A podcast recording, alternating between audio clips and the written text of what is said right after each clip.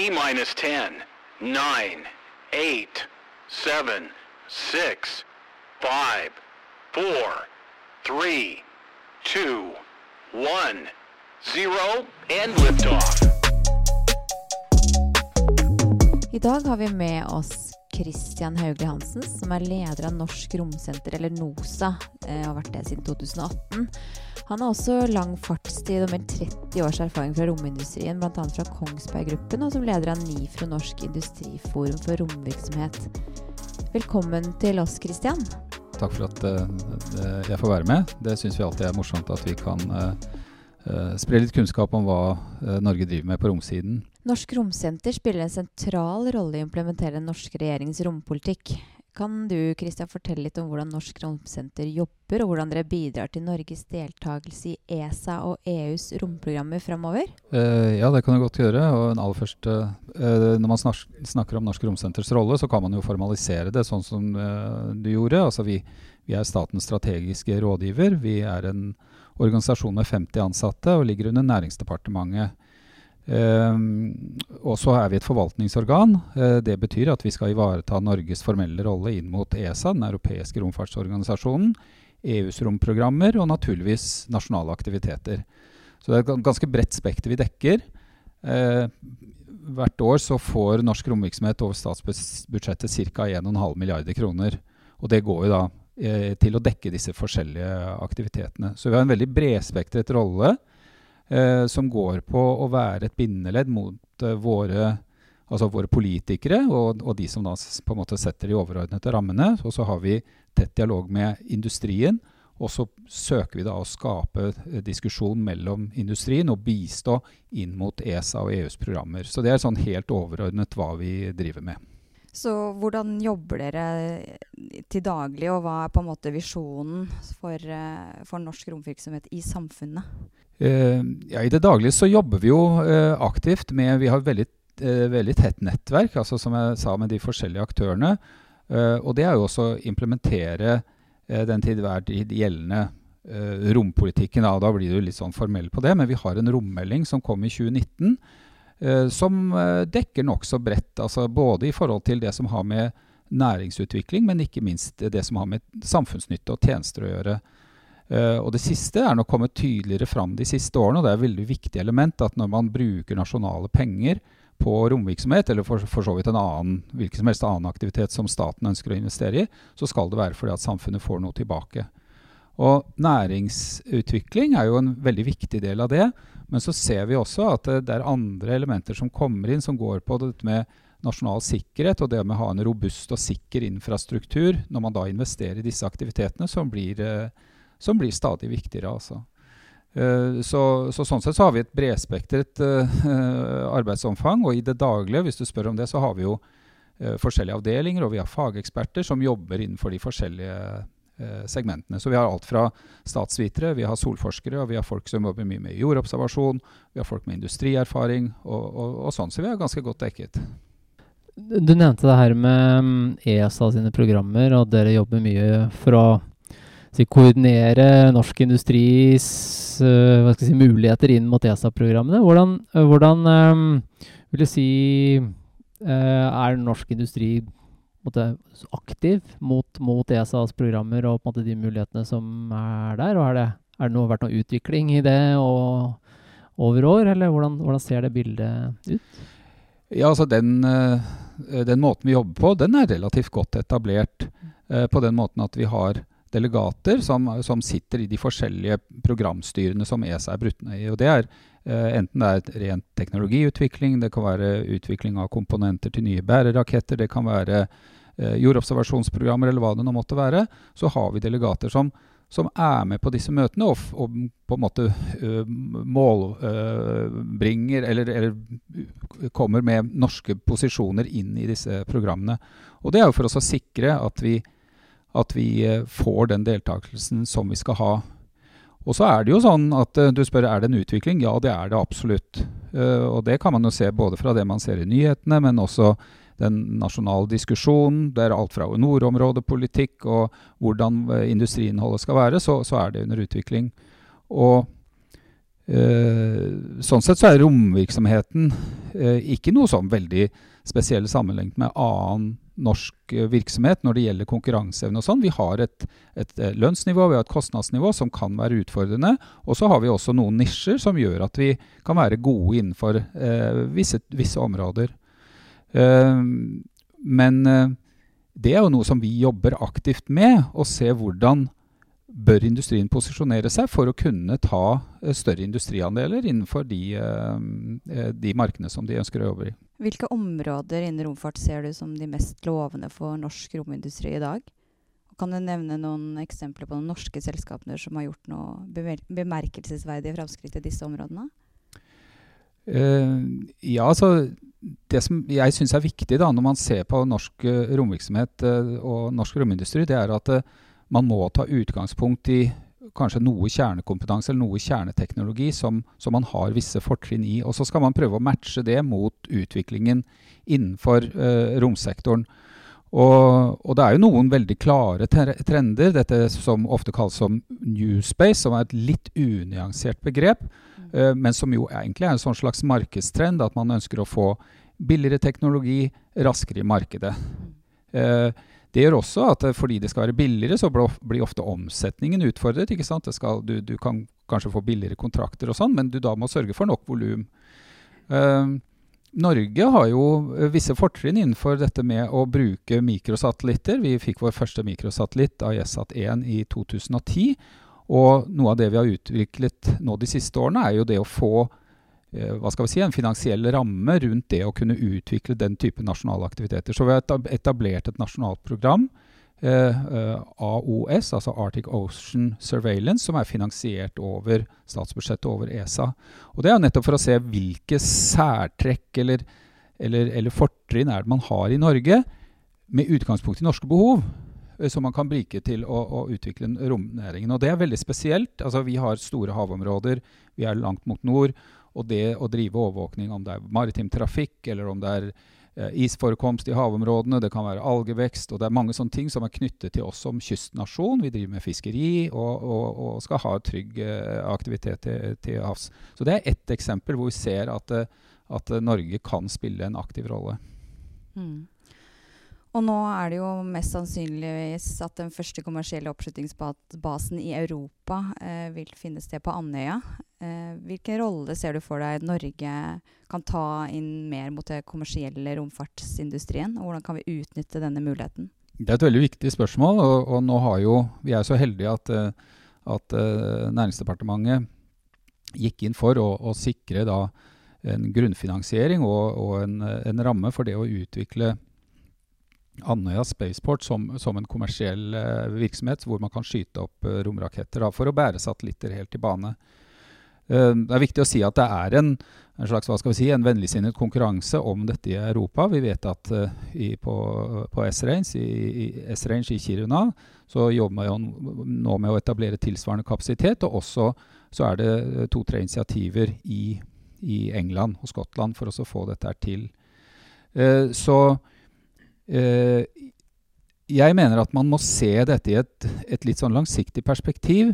Tradisjonelt så er oppskyting det er jo veldig kostbare investeringer. ikke sant? Det tar mange år å utvikle eh, disse bærerakettene. Og Der har Europa hatt en veldig ledende posisjon. Vi har hatt Ariane-programmet, som har vært veldig veldig robust og veldig pålitelig, og har vært brukt veldig mye i kritiske launch. Altså tilsvarende, eller Som eksempel på James Webb for halvannet år siden hvor amerikanerne faktisk valgte å bruke Ariane 5 til å, å skyte opp uh, James Webb. Og så har man uh, Vega-programmet, som også er en, en litt sånn mindre klasse. Kan løfte opp til kanskje 2,5-3 tonn når man jobber med forskjellige varianter av det. Men uh, det er mange, som vi snakket om i stad, mikrosatellitter. Og det er jo et marked som er under kraftig utvikling. Og så er det nok Man må jo ha en litt sånn kjølig distanse til hvordan dette skal, skal utvikle seg. Men at Andøya vil kunne spille en veldig viktig rolle i kommersialisering av europeisk romtransport. Det er det ingen tvil om. Og så er det en ting som er viktig oppi dette her, og der kommer liksom rom, romsenterets liksom formelle rolle. Det er at vi forholder oss jo da både til EU gjennom EU-kommisjonen, eh, og, og, også formelt til ESA og utviklingsprogrammene der. Og her er det mange politiske krefter, altså. Man har Eh, Italia, eh, Frankrike og også Tyskland, som er veldig tungt investert i de tradisjonelle programmene. Og det å jobbe for at, at dette åpnes opp, slik at man tillater faktisk kommersiell drift, det er veldig viktig. Så hva tror du er de største utfordringene og mulighetene for norske romfartsbedrifter da, når det kommer til eh, forretningsutvikling og, kanskje mer som kommersielt rettet fokus? Uh, ja, Det generelle svaret, som det jo er uavhengig av hvilket marked du er i, det er at du må ha en, en god produktidé som er lønnsom å produsere, og så må du sørge for at du får et tilstrekkelig volum, slik at du greier å få en viss omsetning. Og, øh, og der eh, er det jo gjort veldig mange forskjellige projeksjoner hvordan dette markedet eh, kommer til å utvikle seg med antall mikrosatellitter osv. osv. Eh, der mener jeg at man må man skal være entusiastisk. Man skal, man skal utforske hvilke markedsmuligheter man har. Men, men, så er det også viktig å være klar over eh, hvilke krefter som ligger bak for å styre dette markedet. En del av disse mikrosatellittkonstellasjonene er jo proprietære. Det kan, være, eh, det kan, være, land som gjør det, som, som vi nevnte i stad, med, med, dette nasjonale mikrosatellittprogrammet. Eller det kan være store institusjonelle programmer osv. Så videre. sånn at uh, man må skille mellom det som er forventet projeksjon av antall mikrosatellitter eller mellomklassesatellitter i bane, og det som er tilgjengelig marked. Um, Starlink er jo et, et, kjempeprogram, og det launches jo nå liksom 50 og 100 satellitter i måneden nærmest. Men det er ikke dermed sagt at man uten videre kan konkurrere seg inn der, fordi at der har du en veldig sterk sånn vertikal eh, industrikonstellasjon gjennom, gjennom, SpaceX og US Government, som etter hvert vil, uh, som har fått interesse for dette programmet. Sånn at det er, det, er, et viktig spørsmål, men det krever også veldig, veldig smart analyse. ikke sant? Altså se på hva er det du egentlig har tilgjengelig. Uh, så Dette blir et langt svar, men, men det er et, en veldig viktig problematikk å se på hva er vårt hjemmemarked, vår hjemmemarkedsposisjon. For hvis, hvis, du kan bruke dette som dette gjør vi fra Andøya, her har vi norske satellitter, vi har norske egne interesser, så er det mye lettere å gå ut i markedet etterpå. Mm. Nei, men som sagt, det er jo mange, det er avhengig av mange ting og mange faktorer som spiller inn også. Men du har jo lang erfaring fra industrien. og Hvordan, hvordan har romfartsindustrien endret seg siden du begynte, og hvordan ser du for deg framtiden, både globalt og i Norge, at det endrer seg framover? Mm. Den har endret seg på, på noen viktige uh, hovedområder. Da jeg begynte, uh, første gang jeg begynte i, i romindustrien, var på, på, på begynnelsen av 90-tallet. Og da jobbet jeg på, Envisat, som, som, som, var og fortsatt er den største jordobservasjonssatellitten som er laget noen gang. Eh, ti tonn, ti meter lang, eh, et svært beist som, som, hadde en rekke forskjellige veldig kostbare nyttelaster. Og det var jo sånn eh, Hva skal vi si sånn, Eksempler på hvordan man gjorde det da. Og, og, og, det var et veldig viktig program. Og så ser man etter hvert eh, f.eks. i Copernicus-programmet at man lager noe mindre satellitter. Man bryter det ned i litt mindre funksjonalitet. Det gjør at du kan komme raskere med funksjonaliteten, og du kan kanskje spisse det. Istedenfor at du liksom har én satellitt som skal gjøre alt, så har du noen som er rettet. Eh, det ser du da i, i, på Sentinel-satellittene. Du har radarsatellitter, du har CO2-satellitter etter hvert, du kan ha multispektralsatellitter osv. Og så kommer da Så det var nok den første trendbruddet, at man så at de trenger ikke å være så fordømt store. Og, og så har man da sett mikrosatellitter nå F.eks. Planet, som jo er et eksempel, som har høyoppløselig, veldig spesifikk jordobservasjonsdata, hvor man da kan, kan, kan, kjøpe kapasitet fra dem for å si at nå ønsker jeg avbildning av, av det området der. Så det er kanskje teknologimessig, men så har du også markedsmessig, hvis du ser på, på satellittkommunikasjon, hvor man da Man har jo fortsatt store geostasjonære satellitter, men de blir nå utfordret ved at du har Eh, Leo-satellitter, du har MEO, altså Leo lav jordbane og midlere jordbane, som kommer og tar over. Man får et mer sammensatt system av systemer. Så det er mange viktige endringer som har skjedd. altså. Nå er det jo vel en eh, ganske god andel eh, som driver og søker om å få skyte opp eh, i framtiden. Er det sånn at eh, kan det bli fullt i, verdensrommet? Hva, hva, gjør vi med romsøppel, eh, sånne ting? Er det en mulig nisje å, å, å ha forretningsideer i framtiden? Ja, det å regulere dette markedet eh, Hvis man snakker om sånn global forsøpling og, og, sånn, så er det jo ingen tvil om at dette er jo no, et tema som ikke bare enkeltland er opptatt av, men også de store institusjonelle eh, aktørene, altså NASA, ESA og EU, jobber jo nå for å både lage regulatorisk rammeverk som setter begrensninger på eh, eller krav til hvordan du skal sende ting i bane, og hvor lenge de kan være der før de må tas ned.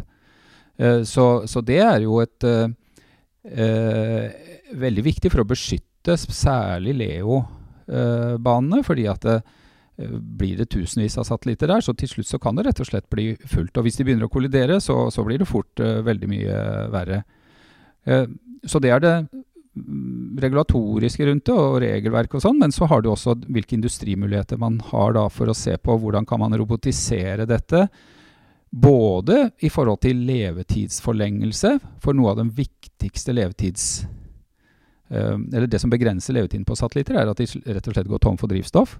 Og at man nå har Eh, robotsatellitter som da hekter seg på med en ny motor, eller kan faktisk uh, fylle dem med nytt drivstoff, som kan bidra til å forlenge levetiden. Det er jo veldig viktig, for da slipper du å sende opp en satellitt til. Du kan nærmest ha en sånn tankbil som, som, som manøvrerer rundt.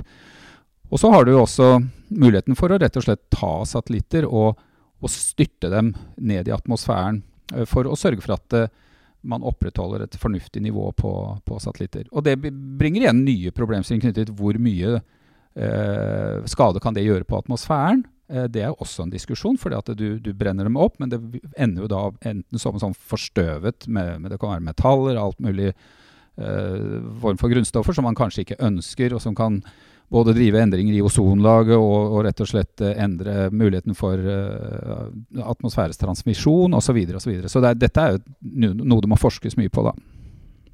Vi i Kunnskapsparken jobber jo sammen med Kjeller Innovasjon og KUPA med å etablere en romklynge i Norge for å støtte opp om forretningsmuligheter og stimulere til vekst i romfartsindustrien i Norge. Og vi har mål om å samle alle bedrifter innen romfart.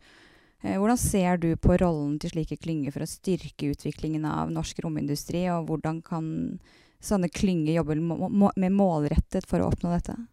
Eh, jeg syns i utgangspunktet at det å jobbe eh, med romklynger er en god idé. Hvis man, hvis man går til Hurdalsplattformen og, og, og også en del av det som, som, vi jobber med innenfor våre aktiviteter, så er jo dette med å se på hele verdikjeder et veldig viktig element.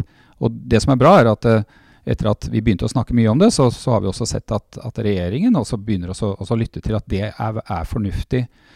Uh, så jeg tror at uh, en romklynge kan, kan, være med å sikre at man fyller hele den verdikjeden på en fornuftig måte.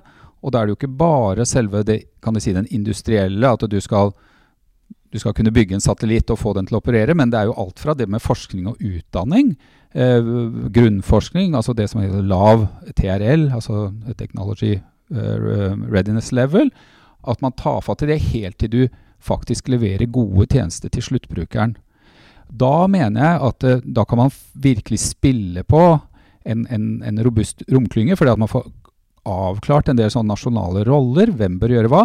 For det er, jeg mener at det er fornuftig å ha en viss form for konkurranseelement. Det er ikke det at vi skal ha liksom tre-fire satellittbyggere i Norge, men, men, det at man er liksom på, på, tå og hev og litt sånn på alerten i forhold til at man faktisk skal være konkurransedyktig i et, i et eksternt marked, er veldig viktig.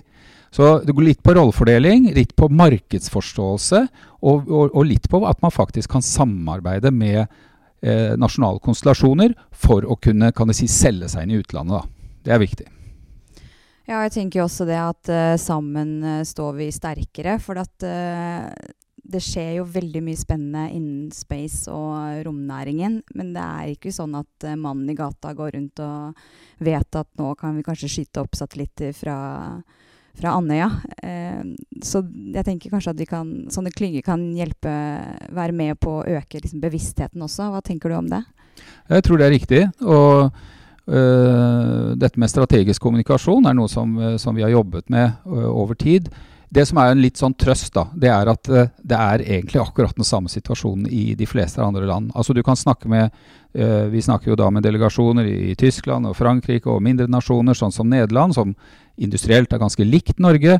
Du kan snakke med folk i USA, hvor Altså Det man kjenner igjen, det er jo det òg. nå skal vi skyte opp astronauter og vi skal til månen. Og det er veldig viktig. ikke sant? Det er et sånt konkurranse, nei, hva skal vi si, et kommunikasjonselement som, som er viktig. Samtidig så, så, har det en tendens til å overskygge den, kanskje det som vi på Romsenteret mener er den virkelig viktige kjernen i dette her. Det er liksom hvorfor driver man det? Hva er det man egentlig gjør for noe? For spør egentlig hvem som helst. og og man kan si mannen i gata, uten at du skulle, liksom skulle trivialisere folks oppfatning av ting. Men, men, men, kunnskapen er ikke så veldig stor. Og det jobber vi med, og det må også industrien jobbe med. å si at det, derfor gjør vi dette, og det er det vi faktisk driver med i rommet. De fleste bruker jo rom- eller satellittdata hver eneste dag. Både GPS-signaler og, og, og, eh, Google Maps med satellittbilder. Uh, ja. mm. Men uh, men reflekterer kanskje ikke så mye at det, over at det er faktisk det man gjør. Nei, og det, og det er på en måte helt legitimt. altså uh, De fleste, altså enten, enten, du kjører bil eller om du bruker en telefon, eller sånn, du er kanskje ikke så opptatt av ja, hvem har laget denne og hvorfor har de gjort det. og sånn. Så lenge det er nyttig, så er det det viktigste. Men hvis det er snakk om å bygge en, en nasjonal industri, både på det å sende opp og, og lage satellitter og sånn, men også på selve tjenestebiten, så tror jeg det er en fordel og at det er bedre kjent. Fordi til syvende og sist, fra den jobben vi skal gjøre, så skal man jo greie å få til en finansiering. Den skal være eh, statlig, sånn som den tradisjonelt har vært, og det er viktig. Eh, rett og slett for å sikre en sånn robusthet rundt det. Men så må jo industrien selv også bidra til å, å, investere, og det er kanskje litt nytt. altså Det er rett og slett risikokapital. Og så ser man jo nå en økt interesse fra venturekapital. Altså øh, egentlig industriagnostikere som bare sier at her er det penger som vi ønsker å få avkastning på.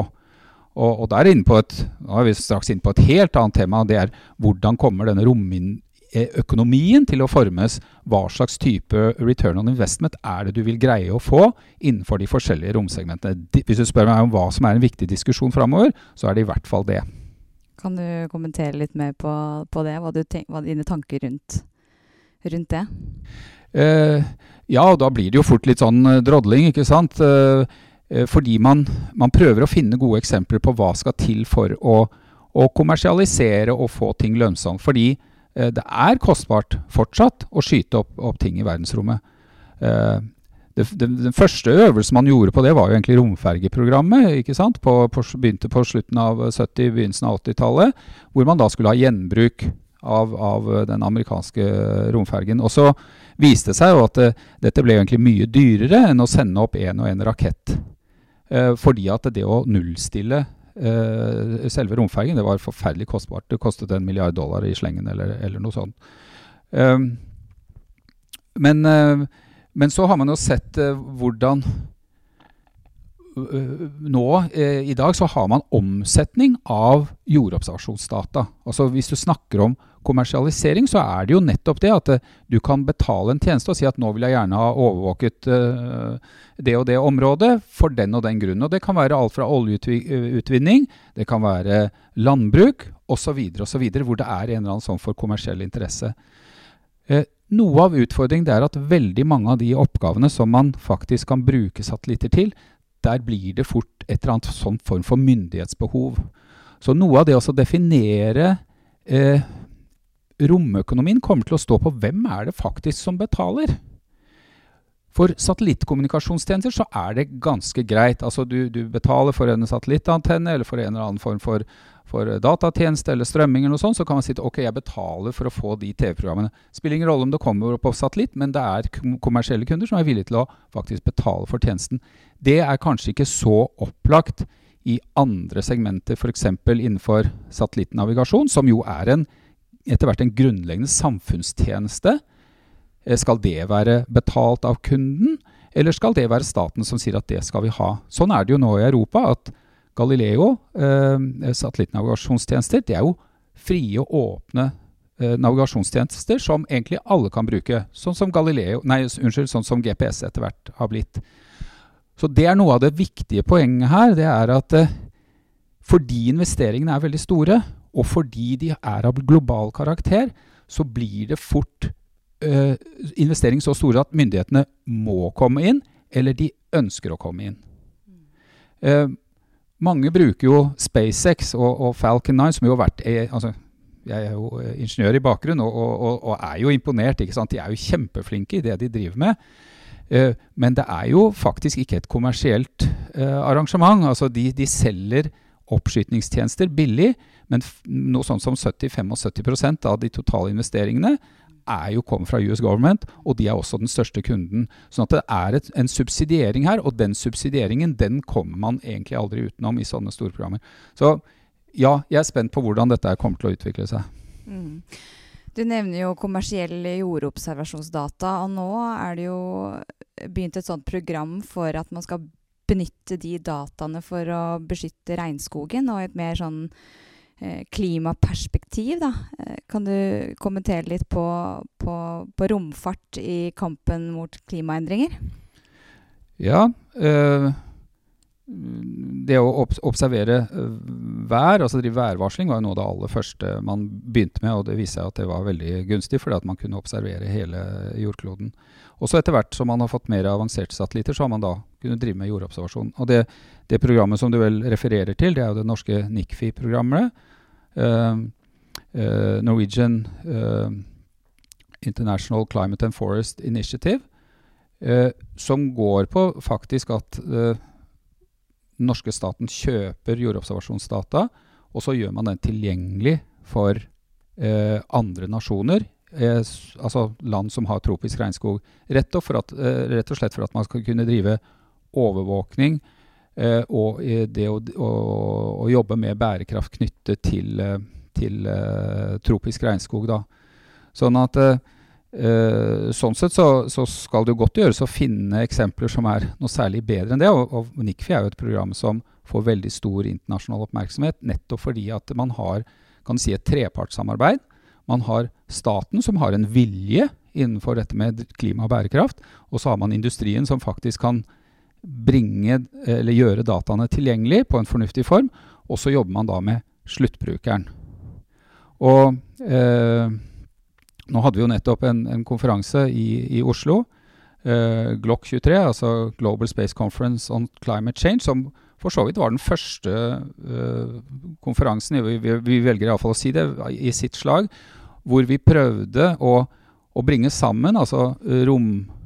Eh, hva skal vi si, romfamilien, også med beslutningstagere, folk som jobber med policy, jobber, jobber med kommunikasjon osv.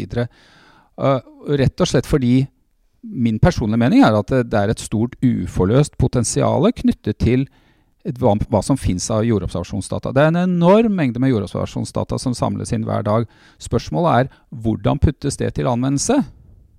Altså Innenfor Galileo Copernicus og, nei, unnskyld, Copernicus og Sentinel-satellittene så, så, har man jo absolutt en plan for altså disse kjernetjenestene innenfor Copernicus-programmet og sånn, men det er fortsatt veldig mange sluttbrukere, altså små nasjoner, fattige nasjoner som ikke har råd til dette, her, som vil kunne bruke dette her på en mye mer eh, kraftig måte hvis man gjør det riktig. Og det jobber vi med her på Romsenteret. Mm, så det er jo et godt eksempel på privat-offentlig samarbeid, da. Bare et spørsmål knytta til det programmet som du nevnte. Hvordan, um, og Der er det jo en rolle sant, for, for uh, smarte bedrifter som kan finne gode måter å bruke disse dataene til å lage tjenester som, som sluttbrukeren har nytte av.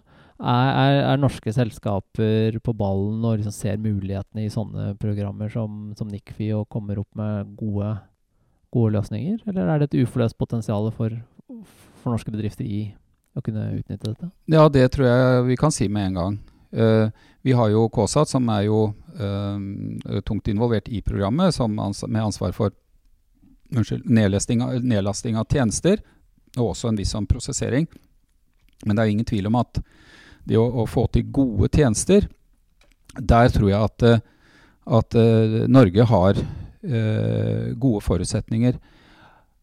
Da nærmer man seg jo et, et liksom gråsone mellom hva som er romvirksomhet, og hva som er mer sånn da, generell dataprosessering, og bruken av AI kommer inn, og håndtering av enormt store datamengder.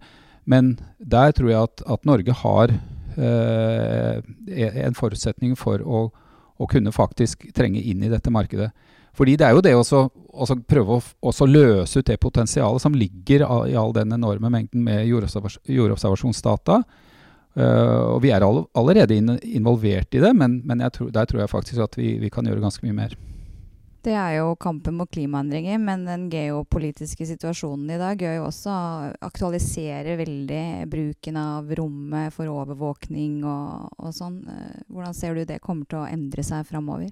Eh, ja, det er jo det er helt opplagt at, eh, at krigen i Ukraina har jo umiddelbart uh, satt fokus på hvordan man faktisk skal, skal gjøre dette her det, det, første som skjedde, og det vet jo alle som har fulgt med nyhetene, det var jo at Maxar liksom dag to så kom jo de med, med eh, satellittbilder som faktisk kunne vise eh, militære posisjoner og troppetransport og sånt noe nærmest live. Eh, det som var interessant med det, var at det, det raskt fikk jo Eh, det, det førte til en endret praksis, bl.a. på US government-nivå, i hvordan man faktisk skal bruke denne, denne dataen. For da man så at uh, dataen kommer ut uansett, og uten at jeg skal tolke liksom, uh, akkurat hva som lå, lå, bak, så så man jo at uh, det å faktisk være mye mer åpen i forhold til hvordan man anvender sånne data, kunne være en fordel. Både i forhold til opinionsdannelse, også til at det, det kom i Ukraina til gode osv. Så, videre. så er det helt sikkert lukkede kanaler hvor, hvor, det også skjer kommunikasjon. Den andre eh, problemstillingen som da dukker opp, det er at noen har jo faktisk betalt for disse dataene for å investere i infrastruktur. Og da kommer du på dette med hva er data policy? Hvem skal faktisk betale? For du kan være helt sikker på at verken Maxar eller, eller Planet de er jo interessert i å levere ut dette free of charge. Og det var en problemstilling som man jobbet veldig veldig grundig med i forbindelse med NICFI-programmet. For der kan du, kjøpe, du kan kjøpe rådata, du kan kjøpe prosesserte data. De kan, de kan ordnes på forskjellige nivåer. Så vi, på hvilket nivå kjøper du dataene, hvor prosesserte er de, og hvem har anledning til å bruke det. Og Det gjelder også for, for uh, norske data, når vi, når vi har AIS-satellittene våre som samler opp uh, Uh, informasjon om maritim trafikk. Den kan også være av militær karakter, og det er klart at da må man håndtere det på et vis. Men så har man da mer åpne og generelle data, som kanskje er tidsforsinket, så de blir ikke så taktiske. Som sier at ok, det kan vi dele bl.a. for å få statistikk ikke sant, på, på, på maritim trafikk. Og det, det, er jo en helt annen type anvendelse. Så data er ikke data, og prosessering er ikke prosessering oppi dette. altså.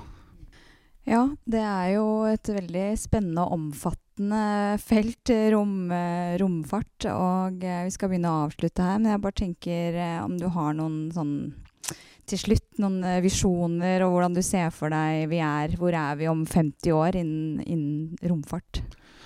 Ja, 50 år er veldig lenge, men, men man kan liksom begynne med litt sånn i, i nærtid. da. Eh, Eh, tradisjonelt så har romvirksomhet og, og, norsk deltakelse vært veldig institusjonelt orientert. Man er med på de store programmene, man er med i ESA osv. Det har vært en vesentlig årsak til at vi er der vi er i dag. Og så ser vi disse endringene med kommersialisering, med storpolitikken, som vi så vidt har, har vært eh, inne på. Sånn at det vi har begynt å se eh, en endring på, det er jo nettopp at, at, at staten f.eks., og for så vidt Forsvaret, ser annerledes på det altså hvordan de skal tilnærme seg dette her. De er ikke primært opptatt av å eie satellitter, men de er opptatt av hvilken type tjenester man skal ha. Sånn at eh, både når det gjelder teknologiutvikling, men også finansiering, så tror jeg at det man kommer til å se, det er at vi bør ha en åpnere policy i forhold til hvordan vi skal gjøre dette. Hva skal vi gjøre gjennom ESA? Det er viktig. Og så har vi EUs programmer. Men så er det hva skal vi velge å gjøre nasjonalt? Altså hva ønsker vi å ta eierskap til? Maritim overvåkning, overvåkning av, av, av Polhavet, eh, nordområdepolitikk. Helt klart en sånn driver. Der er vi mye bedre posisjonert enn f.eks. Sveits, Østerrike, Nederland, som er som sagt de, de ligner litt på Norge litt forskjellig struktur, men de har jo ikke så eksplisitte uh, behov som det vi har. For de har ikke den lange kysten, og de har en helt annen uh, sammenstilling. Sånn at uh, hva vi gjør institusjonelt, hva vi gjør nasjonalt, men også hva vi gjør kommersielt. Kjempeviktig. Hvil, hva slags type samarbeid? Hvordan kan vi utvide en sånn type NICFI-tilnærming? Eh, på, på, annen, på, på, annen, type overvåkning. Det kan være klima, det kan være overvåkning av infrastruktur eller andre samfunnsnyttige tjenester. Så her er det en veldig sånn kraftig dynamikk, da, hvor jeg mener at vi, altså, altså, En ting er romsenteret, men sammen med industrien og sånn må vi se at det, hvordan, hva, hva, ønsker vi faktisk å gjøre selv nasjonalt? Hvilke, hvordan kan vi eh, gjøre det som det er best mulig til eh, norsk eh, nytte? Og hvordan kan man da tjene mest mulig penger på det eh, i, i, i sams, samhandling med det vi gjør mot, eh, mot ESA og de store internasjonale programmene? Det er jo veldig spennende, spennende muligheter. At du kan kombinere nasjonale behov med å utnytte muligheter for, for, for oppstartsbedrifter og annen industri eh, i, samme, i, samme, omgang. Og det er spennende. Det er NICFI-modellen som du nevner. Altså hvis man kan klare å anvende den på andre temaer, andre felter, så er det spennende. Mm. Så, så, sånn helt avslutningsvis så har jeg også en, en utfordring til uh, industrien. Og litt fordi at jeg vet hvor vanskelig det er. Det er hva er tilgangen din på kapital? Og, og, hva slags type forretningsmodell er det du faktisk kan sannsynliggjøre. Det diskuterte vi også på denne Glock-konferansen. Fordi uh, jeg mener at, uh, og jeg er ikke alene om det, at, at for at du skal ha et, et bærekraftig økosystem, hvor faktisk noen tjener penger på å utvikle teknologi og tjenester, så må du altså ha en, en, en, betalingsvillig kunde. Uten det så ender man opp med en sånn statlig subsidiert greie, og det, det er jo eh, bra nok det i bånn, men, men, det gir ingen sånn type vekst som det vi er ute etter. Så industrien og vi bistår gjerne, må jo da søke kunnskap, og sammen med dere, ikke sant, med hvem er disse venturekapitaleierne som ønsker å gå inn i på dette her. Og Det betyr ikke at de skal være romentusiaster eller romnerder, men de skal se en forretningscase hvor de kan se at ok, hvis vi investerer så mye penger, så får vi da en return on investment som vi kan leve med, og som vi ønsker å bidra med. Så det, det er kjempeviktig. Og der har Norge en jobb å gjøre. Så det er det som blir uh, siste punkt her, at uh, vi sammen skal må stå sammen, rett og slett, for at vi skal kunne bli en romnasjon i, i internasjonal sammenheng og, og, kunne regne med. Det er helt riktig. Mm. Supert. Da takker jeg så mye for din tid. Så Veldig hyggelig at jeg fikk være med. Veldig hyggelig. Takk.